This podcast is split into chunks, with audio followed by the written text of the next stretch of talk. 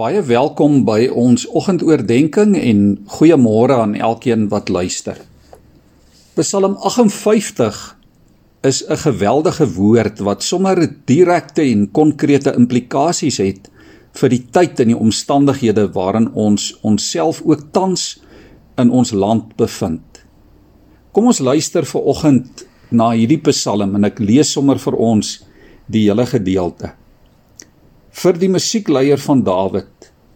Julle magtiges, is julle werklik besig met regspraak? Oordeel julle mense billik? Selfs in julle harte beoefen julle onreg. In die land maak die geweld van julle hande vir julle die pad skoon. Vanaf die moederskoot dwaal goddelose mense af. Vanaf hulle geboorte raak leenaars die pad byster. Hulle gif is dieselfde as slanggif. Hulle is soos 'n dowe horingslang wat sy ore toestop, wat nie luister na die besweerder se stem nie. Hulle wat bedrewe is in die besweerkuns. O God, breek hulle tande in hulle monde. Verbrysel die kake van die jong leeu's, Here. Mag hulle verdwyn soos water wat wegvloei.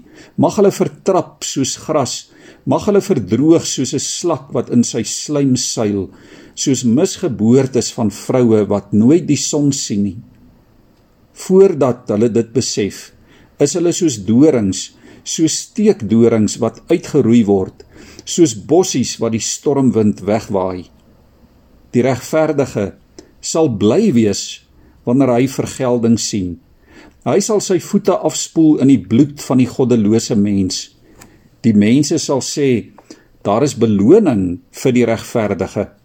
Daar is 'n God wat reg laat geskied in die land. Liewe vriende, as wet en orde in 'n land en in 'n samelewing afgeskeep word, dan loop dinge verkeerd. As die reg nie gehandhaaf word nie, het dit aaklige gevolge. Psalm 58 gaan oor onregverdige regters oor onregverdige wetstoepassers. Die gevolge daarvan is onbeskryflik. Korrupsie is aan die orde van die dag.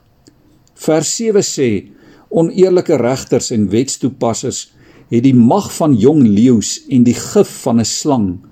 Gewone mense kan hulle self moeilik daarteenoor verweer. Dawid sê verkeerde wetstoepassers en wetstoepassing lei tot vernietiging en mislukking. Hy beskryf dit met 5 beelde. Hy sê dit is soos 'n stroom water wat ophou loop. Dit is soos pile wat stomp word. Dis ook soos 'n slak wat wegsmelt so ver hy loop. Dit is soos 'n miskraam. Dis soos 'n doringtak wat uitbrand voordat die vleis gaar is. En ons ken dit almal vanmôre, die teleurstelling van kole wat nie hou nie. Die vleisie is al gereed om gebraai te word en almal is lekker honger en dan kwyn die vuur weg tot as met die vleis nog half rou of net half gaar. So is oneerlike regspraak en korrupte wetstoepassing.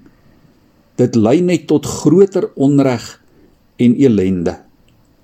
Psalm 58 sê by God, die ewige volmaakte regter, sal hulle nooit verbykom nie. Want God slaap nie. Ons kan vanmôre glo en weet daar is 'n God wat regverdig oordeel. Daar is 'n God wat die onreg raak sien en dit nie ongestraf wil laat verbygaan nie. Ons weet ook vanmôre dat Jesus onregverdig behandel is deur sy regters. Dit was die kern van Jesus se lyding. Kerklike regters het hom vals veroordeel. Die Romeinse regter Pilatus het hom gefonnis in ons plek in 'n wêreldse hof sodat ons voor God vrygespreek kan word. Hy bevry ons van die streng oordeel van God wat oor ons moes kom. Jy kan vanmôre weet God sien die onreg raak ook die onreg waarvan jy dalk 'n slagoffer is of mag wees. Uiteindelik is hy die regter wat oordeel en die koning wat vir ewig regeer. As hy jou vryspreek, is jy vir ewig vry. Mag jy vandag in vryheid lewe. Kom ons bid saam. Here, ons wêreld en ons land is vol korrupsie en onreg. U weet dit. Ons bid vanmôre Here dat u goddelike geregtigheid toenemend in ons land en in mense lewens sal heers. Dat dit sigbaar sal word in beslissings en uitsprake en besluite wat gemaak word. Here, wil u self ingryp. Wil u die onreg uitroei met die swaard van u gees, met die waarheid van u woord. U is U is die regter en die regeerder van ons lewe, Here. Ons wil naby U bly as ons Vader, as ons redder, as die Here van wie ons afhanklik is. Maak ons verantwoordelik in ons besluite en ons optrede.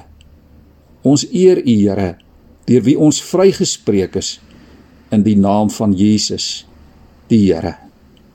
Amen.